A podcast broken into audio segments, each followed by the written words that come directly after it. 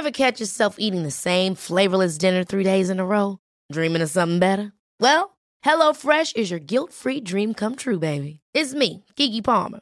Let's wake up those taste buds with hot, juicy pecan-crusted chicken or garlic butter shrimp scampi. Mm. Hello Fresh.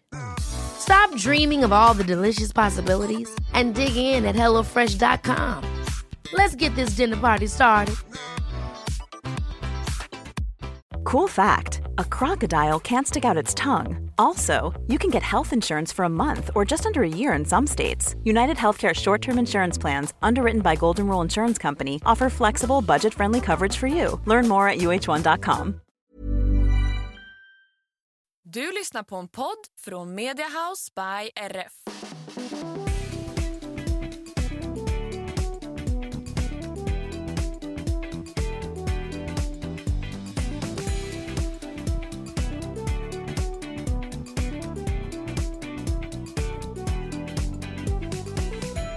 Hej på er allesammans och varmt välkomna till systrarna Elfstrands hästpodd avsnitt 189. Välkomna, jag som pratar nu heter Emma. Och jag heter Anna och det här är ju ett speciellt avsnitt för att igår så släppte vi vår kollektion med Success. Äntligen, äntligen, äntligen som vi har väntat på det här. Och det här kommer ju då bli ett lite speciellt avsnitt för senare i det här avsnittet så kommer vi att gästas av Linn Ekberg som är en av grundarna till Success. Då kommer vi prata mer om vår kollektion, hur det är att jobba med ett klädmärke.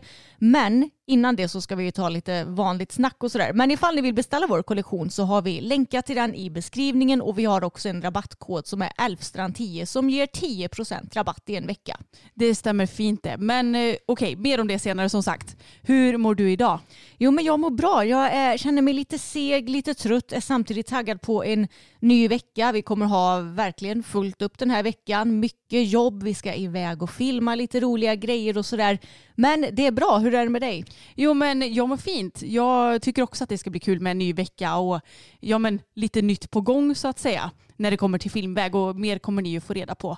Så småningom, det är ju på YouTube som det gäller. Jajamän, det är det. Och Anna, du har ju varit ute och gått idag. Ja. Mm, som vanligt. Jag gymmar ju på morgonen och du går ut och går för att numera när du har problem med din eh, tennisarmbåge så följer inte du med mig på gymmet och då blir jag så himla seg på morgonen för jag vet att ja, men Anna hon kommer inte komma exakt den här tiden så då kan jag vara lite långsam.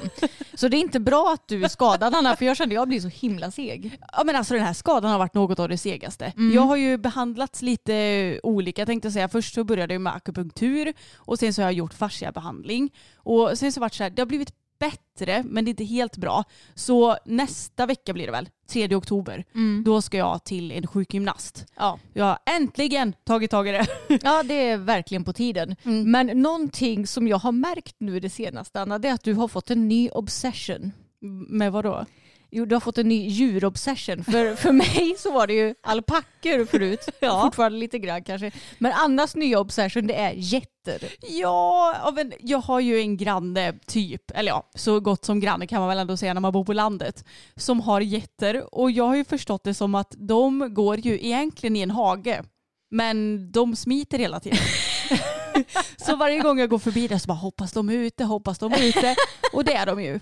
Ibland ja. så ser de lite på håll och ibland så kommer de fram och hälsar på mig. Och alltså de är så jävla gulliga. Mm. Så att jag vill ju ha 7000 getter. Ja, så Anna skrev till mig idag, idag träffade jag getterna igen och det säger jag får alltid getuppdatering. Du skickar reels med massa getter hela tiden till mig.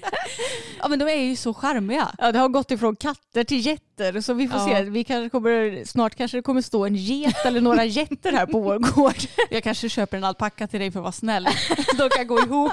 Åh gud vad mysigt det hade varit. Men det roliga är också att nu har det kommit lite fölisar också i en hage mm. i närheten. Det är så gulligt för då är det fyra morsor och fyra ungar. Ja. Och idag så gick ungarna ihop så här och så morsorna runt omkring. Alltså, det är så gulligt. Jag älskar djur. Ja, och djurbebisar i synnerhet är ju oh, väldigt söta. Otroligt gulliga. Så mm. jag ser fram emot min promenad varenda morgon. För att då, då får jag se om jag träffar getterna eller inte. Och vad ser jag när jag tränar? Ett gäng pensionärer ja. som också tränar. Det är det jag ser. Inga gulliga djur.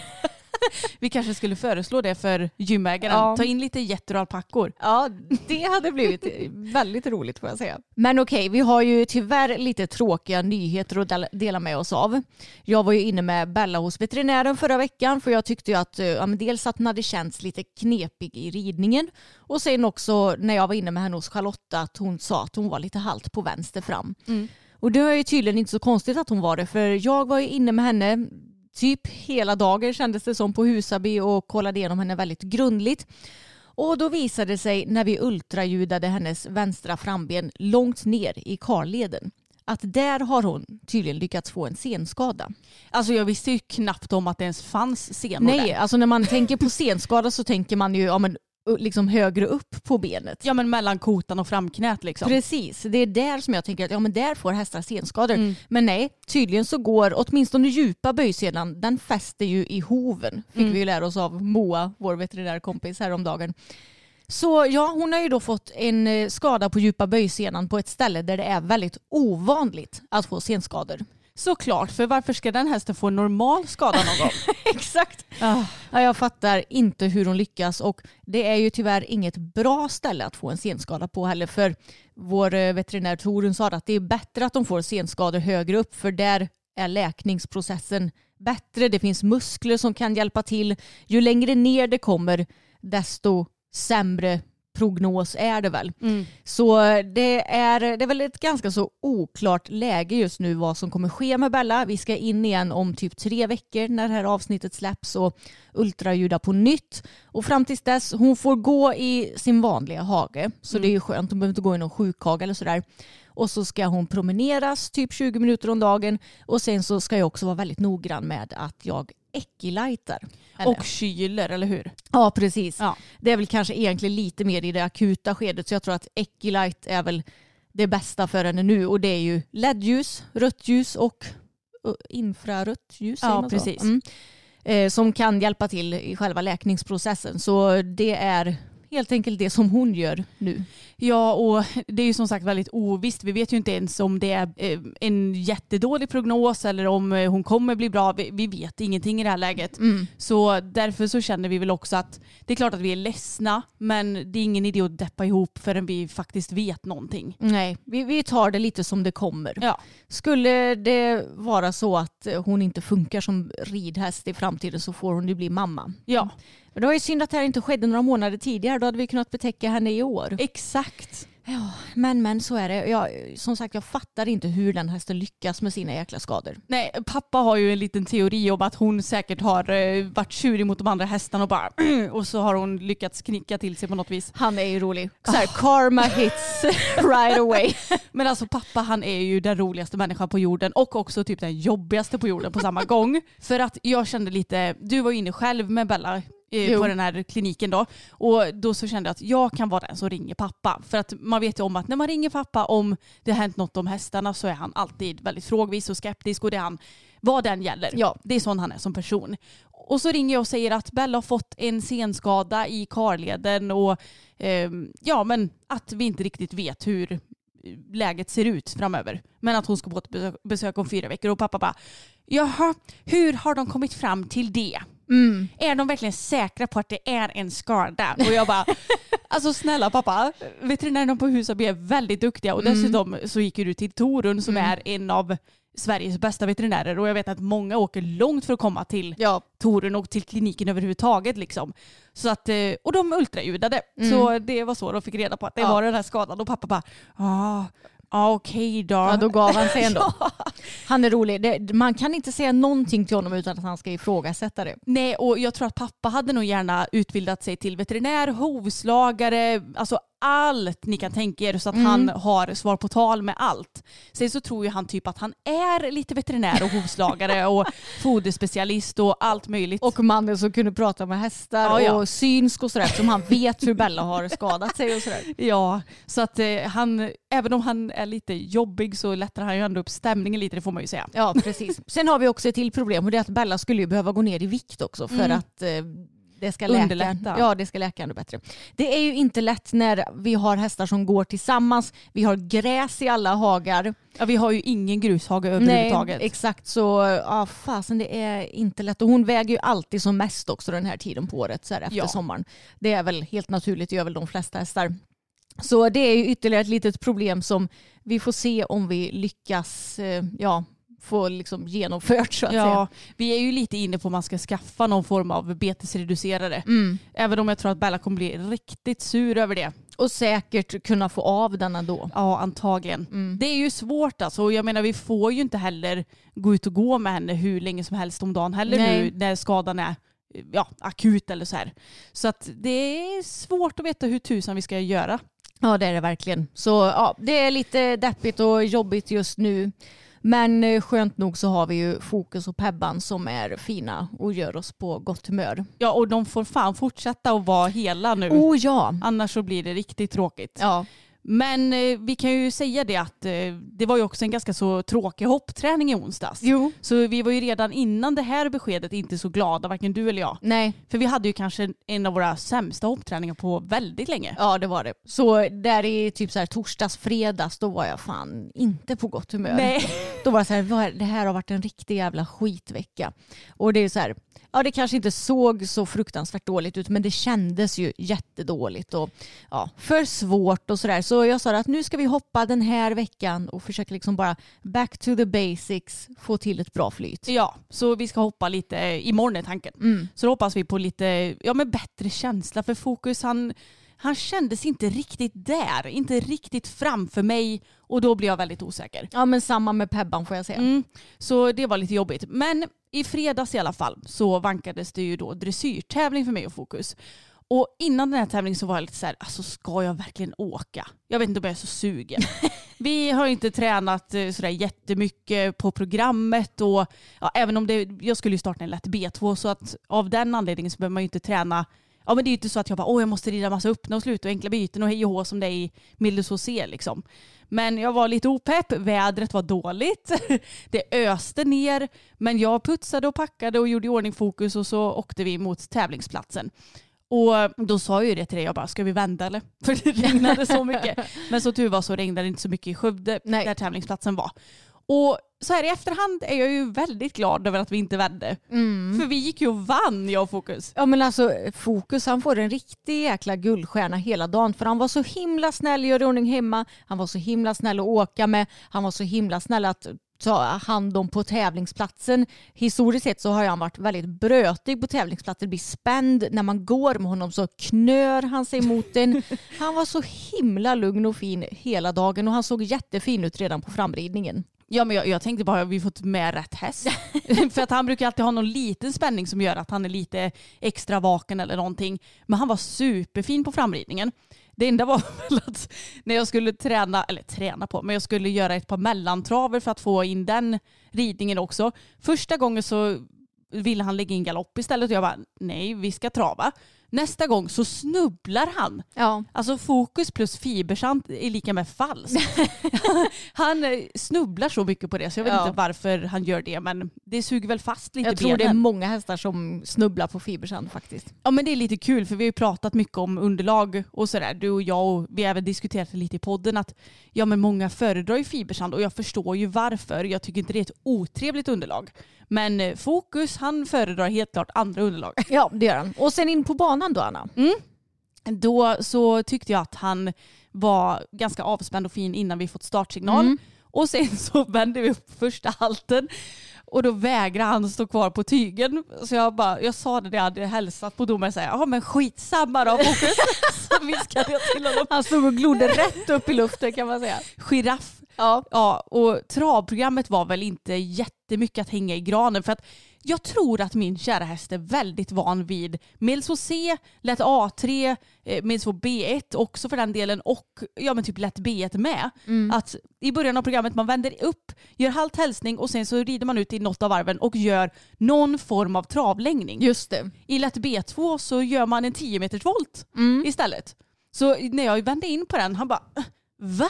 Va? Varför ska jag göra det här? Så den blev lite så kantig och konstig och jag bara Ja. herregud, bra start på det här programmet. Men som tur är så kan man ju i dressyr lite så här, så nu lägger vi det bakom oss Mm. och fortsätta vidare. Och de här i början av lätt B2 är det typ en 10 meters volt, en halv cirkel och så rider man på medellinjen igen, en halv cirkel och en 10 meters volt. Och just den rörelsen blev kanske inte sådär superbra. Det är mycket distanser och att det Ja. inte händer så himla mycket. Exakt, men sen så jobbade vi minsann upp poängen och Ja. speciellt i galoppdelen. Mm. Där kändes han jättefin. Ja det var så bra. Ni fick till så himla fina övergångar som ni till och med fick åttor på tror jag. Mm.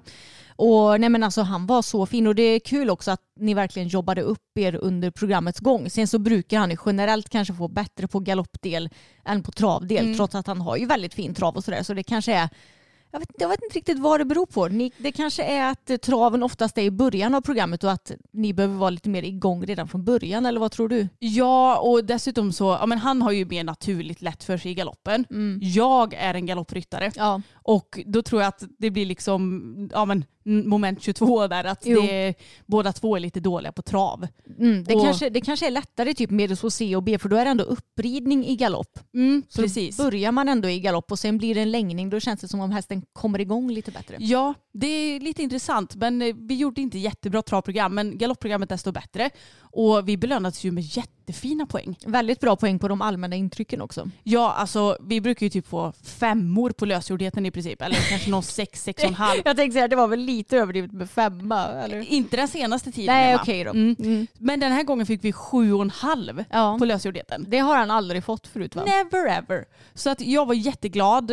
Och, eller grejen är att efter programmet så var jag så här, ja då får vi se om man landar på en typ 60% eller lägre. Eller, alltså, jag har ju aldrig någon aning om vad vi landar på. Nej det kan ju skilja extremt mycket beroende på vilken domare det är har vi ju lärt oss nu. Ja, och det är klart att det kan ju skilja sig oavsett vem som rider. Jag menar, på Bella kan det också skilja sig. Mm. Man vet ju aldrig hur domaren dömer. Nej men oftast är det ju lite mer jämnt på henne. Man har ju ett hum i alla Mm. fall om vart man brukar landa på. Så jag skrittade ut och var liksom nöjd och glad med honom. Och det roliga var att de hade ju direktresultat. Alltså att någon sitter med i domarbåset. Dels så har ju, är det domaren, en sekreterare men också någon som sitter med dator och för in poängen med klassens gång. Så när jag skrittar ut från banan så ser jag Emma bara med två tummar upp så här och jag bara okej tyckte hon att ritten var bra eller har hon fått reda på resultatet? Jag har ingen aning. Eh, Men du bara det var skitbra. Gissa vad ni ligger på? Jag bara nej men jag har ingen aning. Du bara 69,3. Jag bara what? Eh, Och så gick vi upp i ledning och sen så var det ju bara ett par stycken kvar efter min ritt och det höll sig ju hela vägen. Ja, så, Så himla sjukt. roligt. Ja. Så nu har Fokus tagit sin första ja, vinst som inte har varit på klubbnivå då. Ja och första placering överhuvudtaget på Ja, lokal det är ju- regional nivå. Det är ju faktiskt lite av en skandal tänkte jag säga. Inte för att jag tycker att du har ridit dåligt utan liksom för att bedömningsmässigt så borde han ju verkligen ha gjort det tidigare. Ja, och vi pratade om det framförallt på en tävling där jag hörde så här hur de resultaten som kom in var typ så här 60-61 procent och jag bara vi har vinsten i en liten ask och så kom vi ändå sist. Jag bara vad fan, vad hände här? Så att det känns så himla roligt att äntligen ha fått betalt.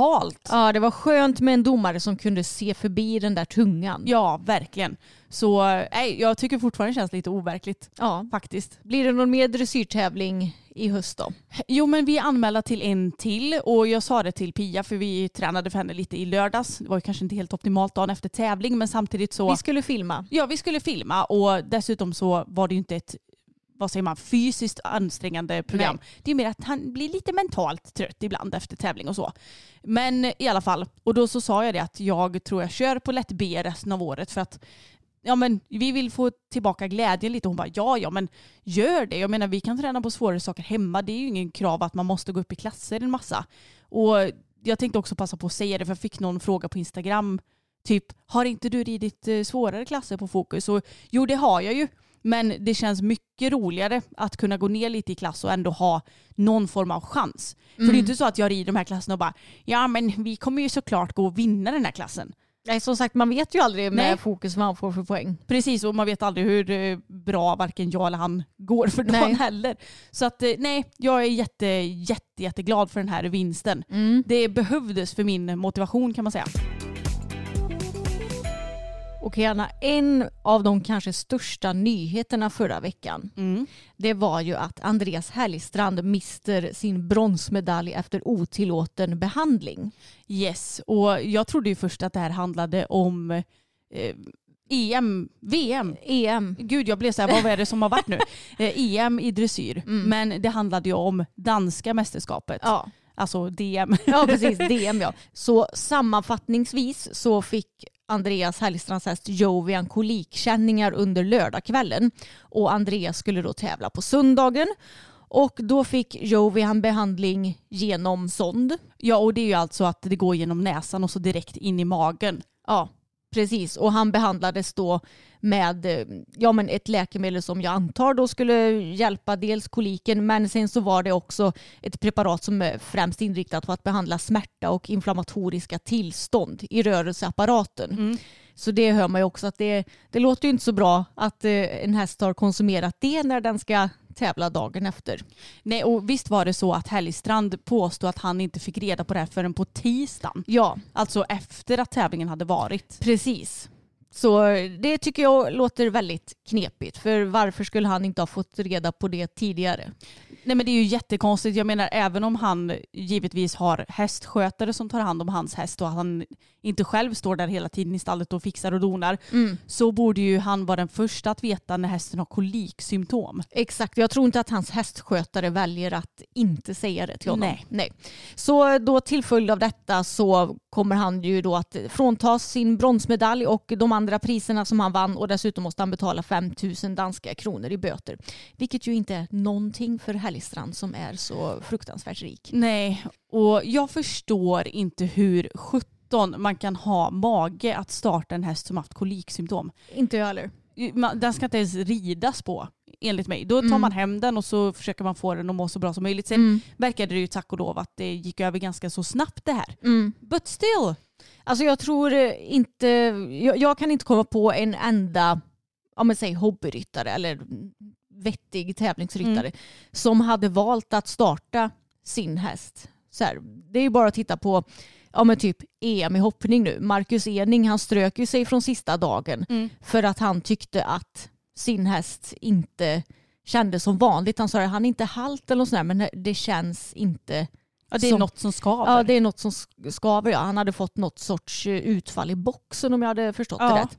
Eh, och så tror jag att de allra flesta skulle göra. Att du tävlar inte på vilke, vilket, vad säger man, Ja, men vilka premisser som Nej. helst. exakt, utan du försöker ändå lyssna på din häst och ser till så att den mår bra i första hand. Mm. Och det sjuka är också att i den här artikeln som du har läst, eller som vi har läst båda två, så står det också att han bara, ja ah, men de här preparaten står inte med på FBI's dopinglista. Man bara, Mm. men det är ju fortfarande mediciner. Eller Ja. va? Mm. Jag, jag fattar inte vad det har med saken att göra. Jättekonstigt att han försöker skylla ifrån Mm. sig på det. Så äh, otroligt konstigt att han ens eh, ja, men både fick starta danska mästerskapen och att kanske inte folk hade koll på det redan då. Men också uppenbarligen så har ju det här fallet varit känt ett tag för danska ridsportförbundet och att de då ändå tar ut honom så att han ska rida EM för landet. Mm, jag vet. Det är så jävla konstigt. Alltså, jag fattar inte hur mycket makt den människan kan ha och att han tillåts göra vad fan som helst och att ingen verkar bry sig. Nej. Eller många bryr sig. Många som kanske sitter i ungefär samma position som du och jag. Det vill Ja. säga eh, ja, men hobbyryttare och Som inte har någon direkt röst för vad som Nej, händer. men det känns ju som om så här, ridsportförbund, FEI, de stora tävlingsarrangörerna, det spelar ingen roll vad han gör bara för att han ligger inne på så mycket pengar och sponsrar de stora tävlingarna så att man måste hålla honom om ryggen för Mm. att få sporten att gå runt. Eller va? Jag, jag tycker det är så märkligt. Ja, jag håller verkligen med. Jag tycker det är helt sjukt och dessutom så stod det också i artikeln att ja men det som dessutom är otillåtet är att man inte får ge hästen någonting som den inte typ dricker själv. Nej, exakt. Så man får ju absolut inte sonda hästen. Nej. Så nej, jag förstår inte varför han försöker skylla ifrån sig. Och jag tror jag läste någonstans också att han typ ja, men verkligen skyllde på sin hästskötare och man bara fan vad schysst. Ja. Hon gör ju bara sitt jobb och Mm. han hade ju definitivt blivit svinförbannad om hästen hade gått och dött där i Ja, boxen. Så eh, det är ju också väldigt eh, bra beteende. Mm, det är ju alltid ryttarens främsta ansvar Ja, när det kommer till sådana här saker. Ja, det spelar ingen roll vem som tar hand om, hand om hästen så måste ju ryttaren vara intresserad Mm. av vad som händer med hästen. ja. Men ja, uppenbarligen så är det ju alltid så att pengar går först. Den mannen alltså. Mm. Det, man, man förundras på ett väldigt negativt sätt hela tiden när det kommer grejer om honom. Ja, Och jag ser så mycket fram emot att den här dokumentären ska släppas, vilket jag hoppas att den gör hyfsat snart. mm, håller med. Så att ännu fler får upp ögonen för vad det är som han sysslar med.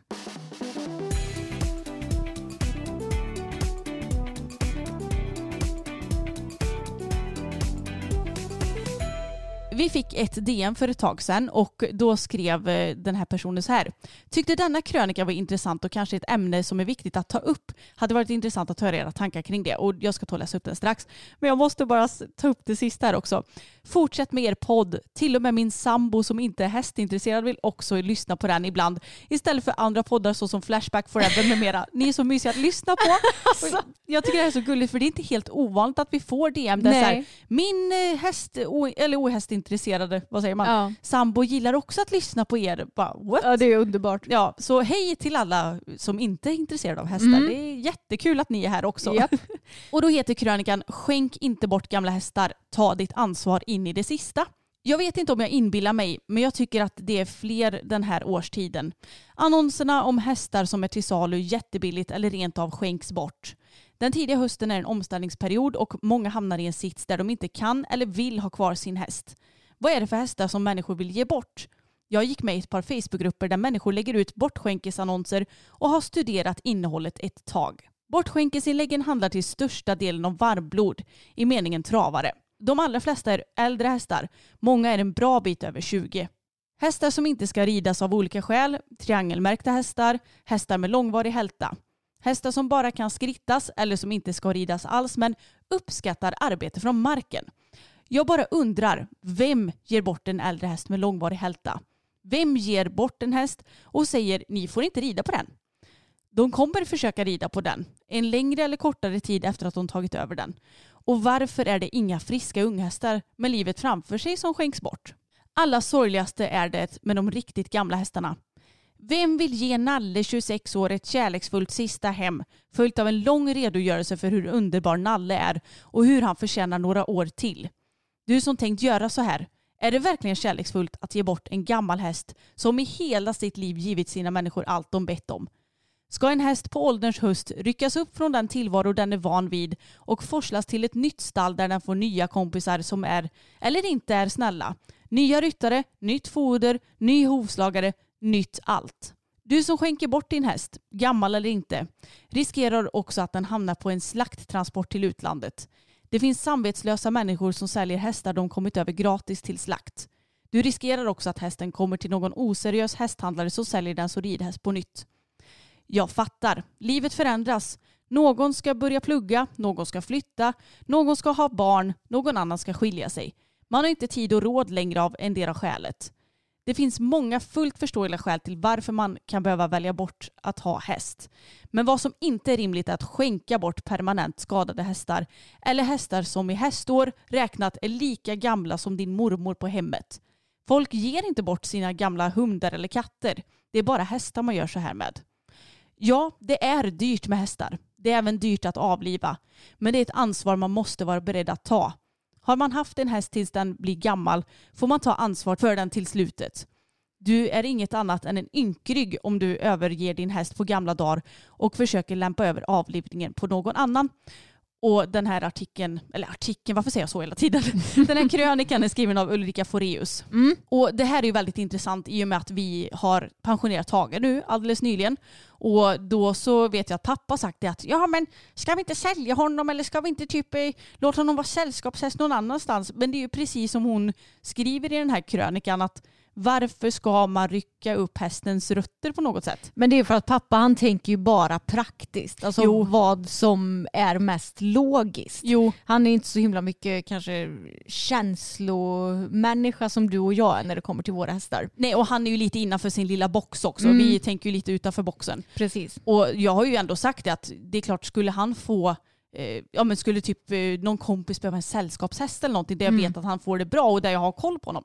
Då hade jag inte haft några problem att låta honom vara sällskapshäst någon annanstans. Nej. Men jag skulle absolut inte bara ge bort honom till vem som helst. För att det är ju som hon skriver, man har ingen aning om vad folk gör. Nej. De kanske lovar att nej men vi ska inte rida på den här hästen och så gör de det ändå. Nej men alltså jag litar inte på andra människor så Nej. jag skulle aldrig kunna sälja eller skänka bort någon av våra gamla hästar. För som sagt, du vet inte vad någon annan människa väljer, väljer att göra med dem. Och jag tyckte det var så himla bra skrivet att ja, men så här, gamla husdjur, typ hundar och katter, Ja. de skänker du inte bort. Nej. Utan de är ju kvar hos dig tills de dör. Så det är en väldigt annan kultur känns det som med hästar. Och jag kan tänka mig att det är ju för att vi människor vi kanske ser hästar främst som någonting som ska användas. Alltså som ska ridas på, som ska tränas med. Och sen så duger de plötsligt inte när de är för gamla för att göra det. Precis, och det är så sorgligt att det ska vara så. Vi behöver kanske ändra lite på den, eh, vad säger man? Kulturen. Ja men precis, kulturen. Att de är ju värda sitt liv fram till sitt sista andetag. Ja, Oavsett om man behöver välja att ta bort dem eller om de somnar in av sig själva. Liksom. Mm, precis. Det hade varit fint om man hade kunnat haft så här ålderdomshem för hästar där så här gamla Men jag vet hästar. att det finns. Ja visst gör det. Så här, Ja. när gamla hästar får gå i en flock tillsammans och bara ha det gött Ja. och så. Det hade ju varit helt underbart. Mm. Fastän det hade ändå varit lite fint att starta något sånt. Fast det vet jag att jag varken har tid eller råd till. Men Nej, och problemet är också att folk kanske inte riktigt är villiga att betala heller för eh, Precis. sin gamla häst att han ska gå på det stället. mm, Så det är det- sånt som är tråkigt. Det är sånt som är tråkigt. Men eh, jag tror att många hästar hade kunnat ja, men ha glädje av eh, de där kanske extra åren om de ha, hade haft det bra ifall de är fräscha i kroppen. Sen tycker jag inte heller att man ska låta gamla hästar leva kvar på varje... Till vilket pris som Nej, helst. Precis, för ifall de är skadade så mår de ju faktiskt bättre av att man tar bort dem. Till Mm. exempel som vi var tvungna att göra med Boppen. Visst hade vi varit egoistiska så hade vi kunnat ha kvar honom så att han hade fått gå här hos oss. Men hur kul är det för honom att gå omkring och ha kanske, ja det är svårt för oss att säga exakt hur ont han hade. Ja. Men säg lite till måttligt ont då resten av sitt liv. Precis, vi gav ju ändå honom Metacam fram tills den dagen han togs bort. Liksom. Mm. För att vi, ja men det tar ju alltid lite tid det här med att fixa med försäkringsbolag och så vidare så det går ju inte på en dag. Det är klart, det går väl snabbt om det är riktigt akut men Jo. nu var ju inte det det. Så därför så fick vi ju Metacam utskrivet så att han ändå kunde gå och ha det så bra som möjligt den sista tiden. Mm. Men eh, nej, man får ju tänka lite rimligt. Alltså alla hästars liv är ju värda någonting och jag tänker också att de gamla hästarna fyller också en funktion i flocken. Mm. Det är ju inte så att de bara går och skrotar. Jag menar, Tage han fyller också sin plats i hagen. Och det är klart att jag, jag kan tänka mig att det är annorlunda. Vi har ju ändå liksom stora hagar och vi har möjlighet att ha dem så som vi har dem. Men många kanske inte har riktigt samma möjlighet och då förstår jag att det blir ännu svårare att ha gamla hästar. Jag vet inte. Mm. Nej, det, det är klurigt. Och Mm. Problemet är väl också att hästar kostar ju så mycket mer än vad typ hundar och katter gör också. Ja, och dessutom så brukar ju kanske äldre hästar börja kosta mer. För att de kanske lättare faller ur och sådär. ja. Så då kanske man behöver ge dem mer mat och sånt där. Mm. Så foderkostnadsmässigt kanske de går upp ännu mer i pris. Ja, exakt. säga. Men ja, det är tråkigt att det ska vara så här. Mm. Alla äldre hästar borde få ett värdigt avslut på livet. Och ja, vad ska man sammanfatta det som? Ta ditt ans- Köper du häst så får du faktiskt ta ditt ansvar. Livet med ut. hästen livet ut. Ja. Mm. Precis som med vilket annat djur som helst. Precis, och jag tyckte det var en jätte, jättebra krönika. Ja.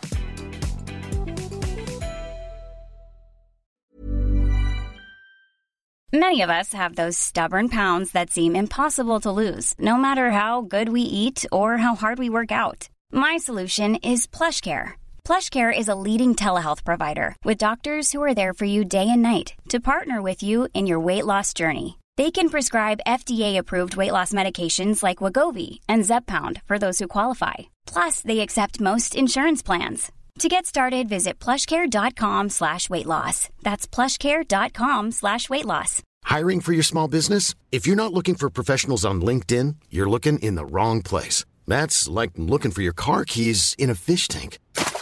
LinkedIn helps you hire professionals you can't find anywhere else, even those who aren't actively searching for a new job but might be open to the perfect role. In a given month, over 70% of LinkedIn users don't even visit other leading job sites. So start looking in the right place. With LinkedIn, you can hire professionals like a professional. Post your free job on linkedin.com slash people today.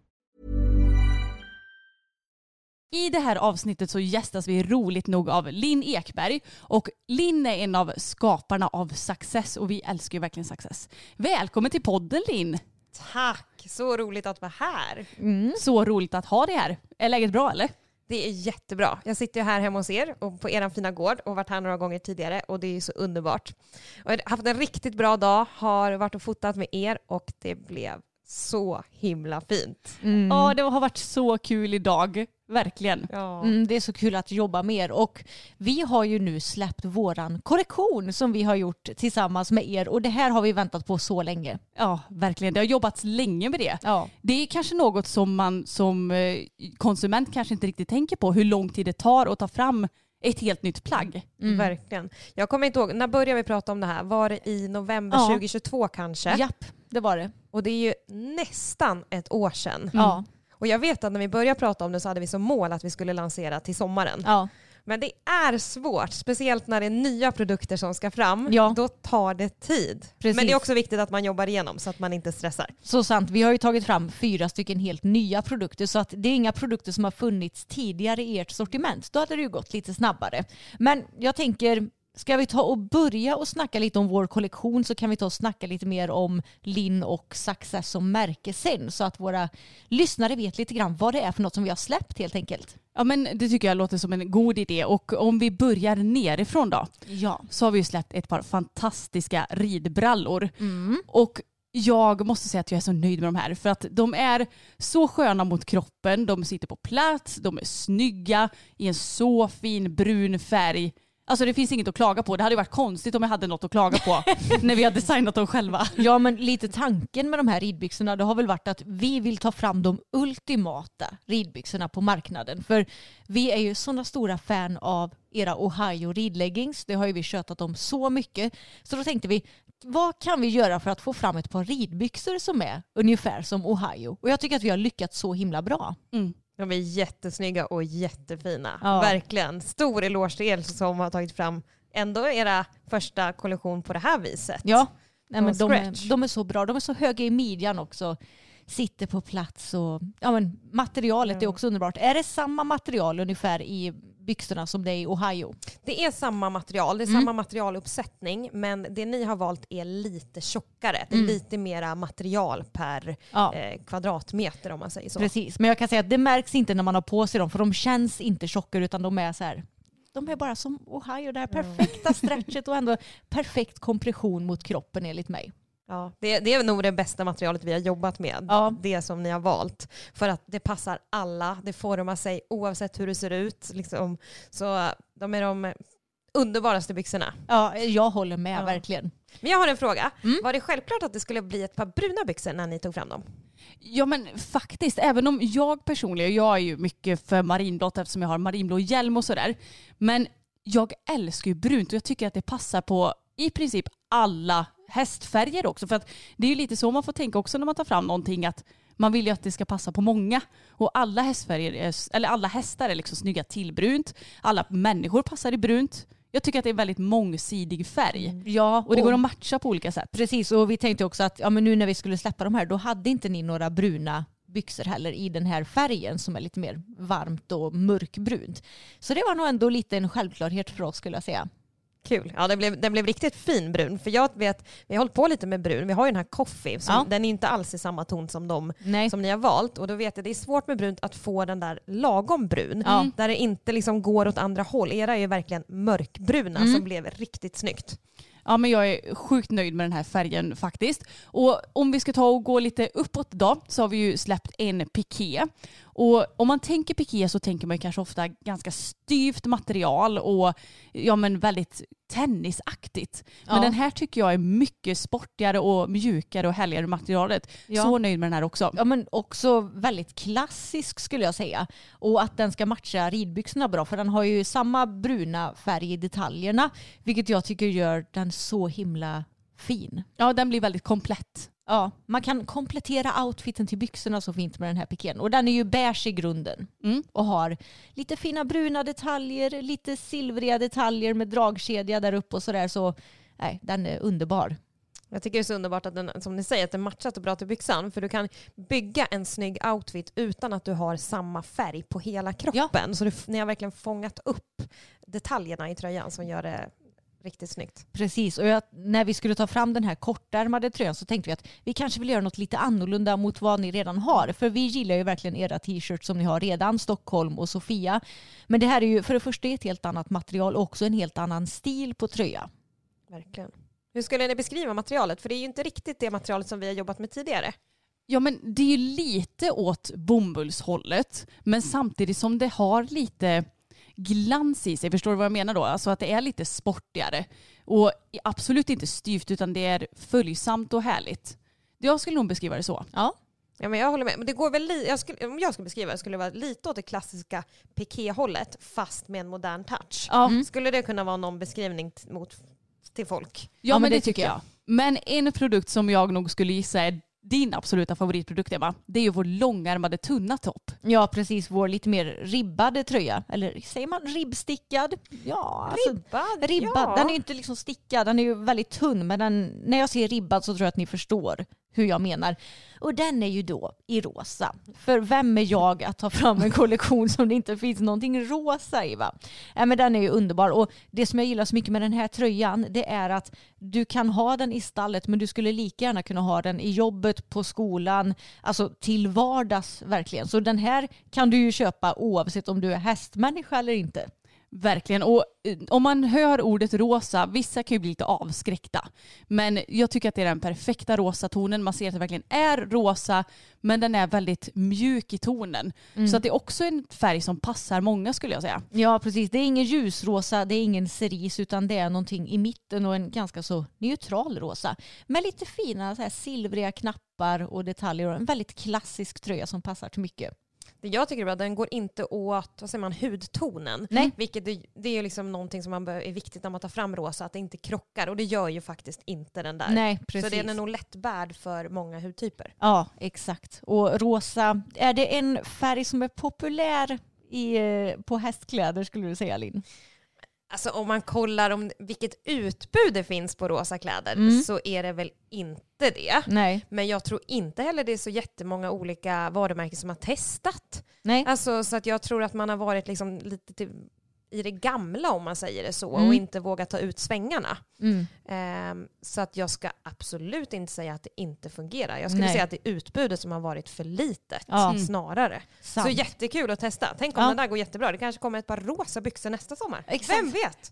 Ja, så nu, nu vet ni, nu får ni köpa massor av min fina rosa tröja som jag har designat så att det kan komma fler rosa plagg hos Access. Exakt. Och eh, sist men inte minst så har vi ju släppt en, ja vad kallar man det, här? zipptröja va?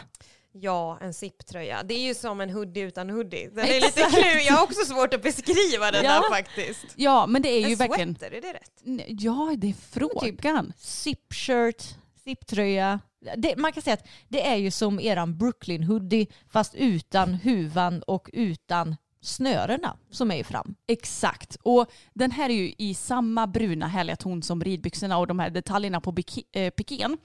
Och jag älskar den här. Jag älskar ju era Brooklyn-tröjor. Och det kändes också självklart att göra en tröja men också kanske utan den här huvan. För att jag älskar ju huva men ibland så vill man vara utan den. Och jag tycker den kompletterar hela våran kollektion på ett så fint sätt. Ja, verkligen. Och det som är bra också med att ha gjort någonting utan huva det är att du kan ju tävla med den också. Jag tror faktiskt att man får tävla med huvan nu Får man det Får man? numera? Jag tror det, jag ska inte säga säkert. Mhm. Men oavsett så kan man ju tävla i den med gott samvete Ja, tänkte jag nu säga. kan man göra det. Ja. Det kan ju bli som din kavaj. Exakt, precis. Och den är ju då brun och har också lite silvriga detaljer som även ridbyxorna har. Så den matchar ju otroligt bra till ridbyxorna.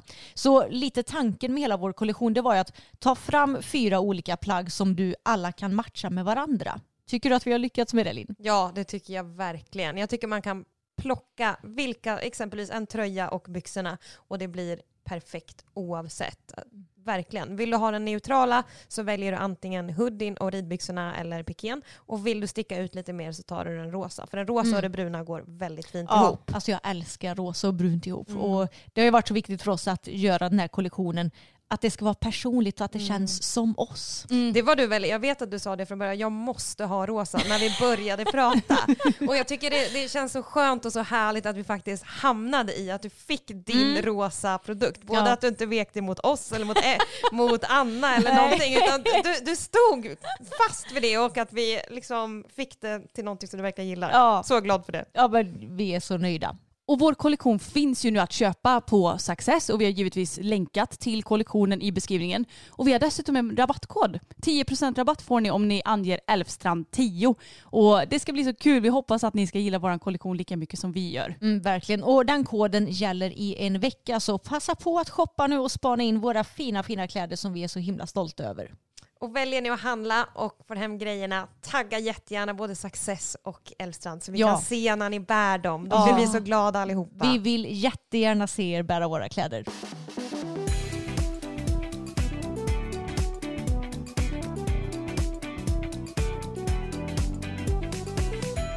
Okej Linn, vi har ju varit stora fan av ditt och Julias fina märke nu i flera år. Och vi är såklart nyfikna på hur det är att driva Success. För du gör ju det tillsammans med din syster Julia. Kan inte du berätta lite grann om er? Hur gamla är ni? Hur länge har ni drivit Success? Hur kommer det sig att ni startade företaget? Ja, jättebra fråga.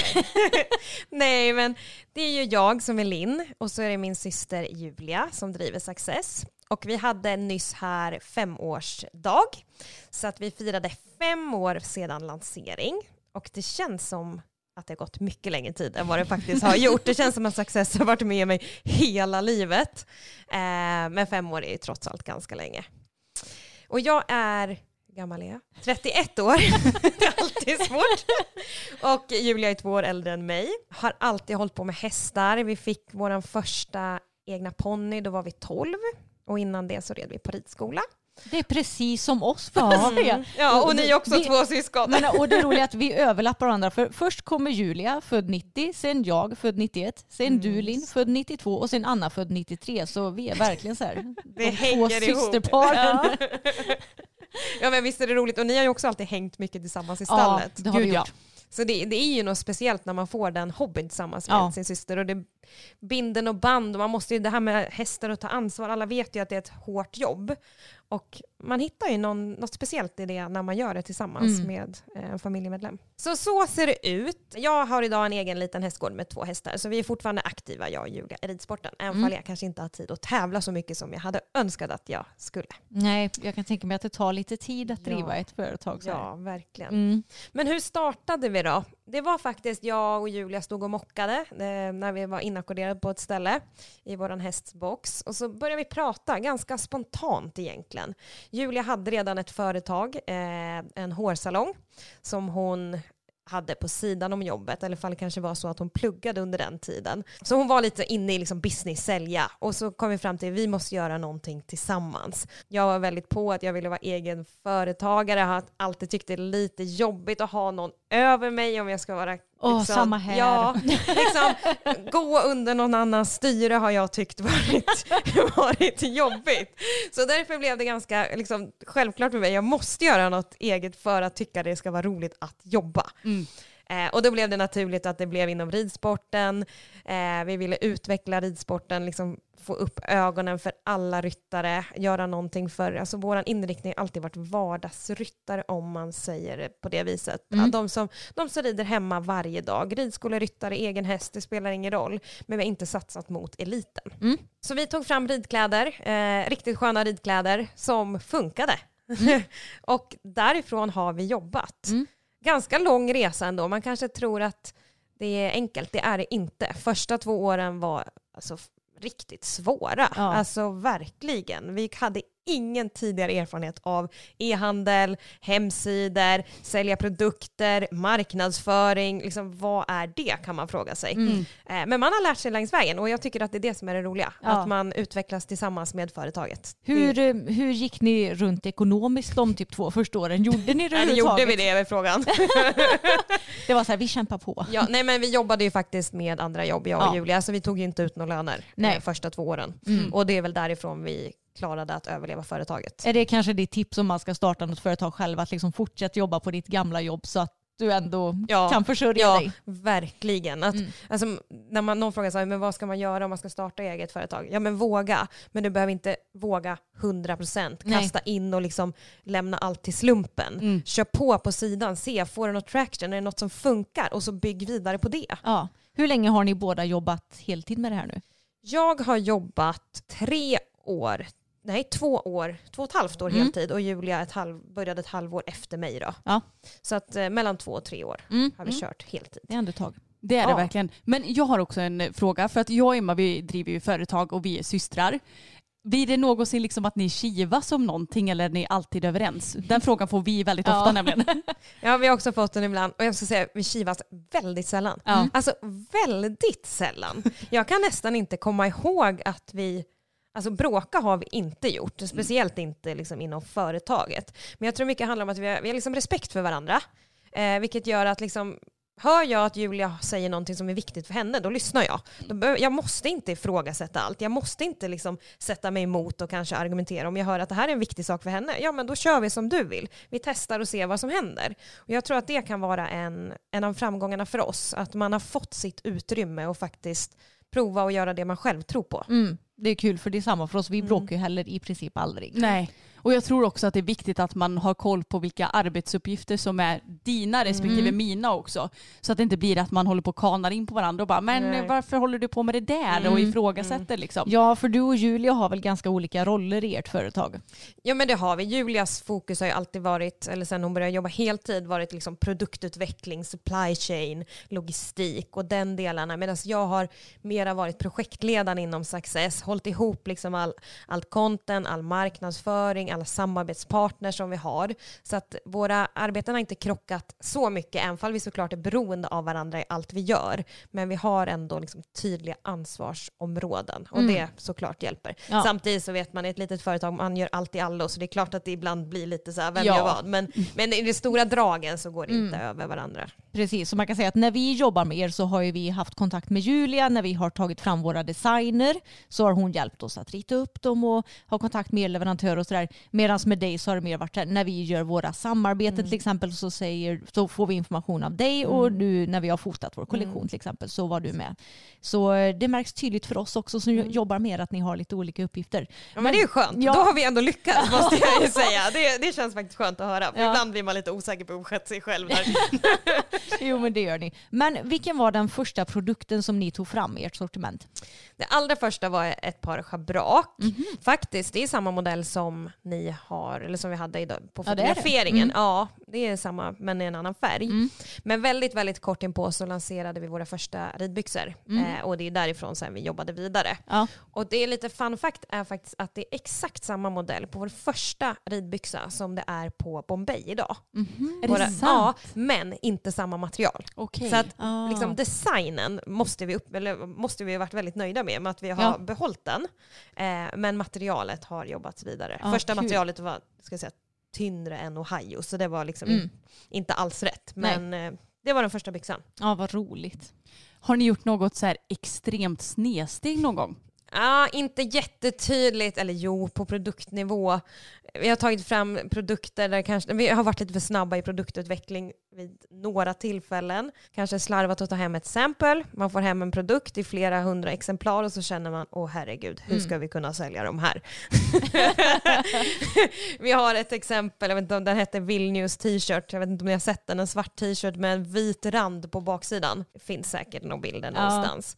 Men Julia hade någon vision i huvudet att det här skulle bli så himla fint och så kände hon, vi var lite stressade, det är alltid sådär liksom inför släpp, att då, men vi kör, det borde bli bra. Men det blev inte alls bra och vi har suttit på den t-shirten från Fyra år skulle jag säga. Vi sålde bort de sista exemplaren på Falsterbo i år. Nej, På reastången. Är nu är det bara tack och hej. Vill aldrig mer se dig. Nej. Men det, det är också sånt man lär sig av. Då har ni kanske lär, lärt er att ja, men det är ingen idé att stressa utan vi får Nej. låta det ta den tid som det tar. Verkligen, verkligen. Men vilket plagg har varit ert mest sålda då? Ohio, Ohio, Ohio skulle Ja. jag säga. Ja. Ja, verkligen. Det, det finns inte ens någon som konkurrerar hårt mot den. Mm. Alltså jag förstår ju ändå det. Det passar så otroligt många. Det är bara att dra på sig. Mm. De är så allsidiga, de är så sjukt sköna. Och ni har verkligen lyckats med de brallorna alltså. Ja, alltså jag har testat så många ridleggings genom åren och Ohio det är de enda som jag verkligen har trivts i 100% i. Det har funnits vissa som jag säger, ja men jag trivs att rida i dem men sen när man typ går omkring och mockar och sådär så typ glider de ner.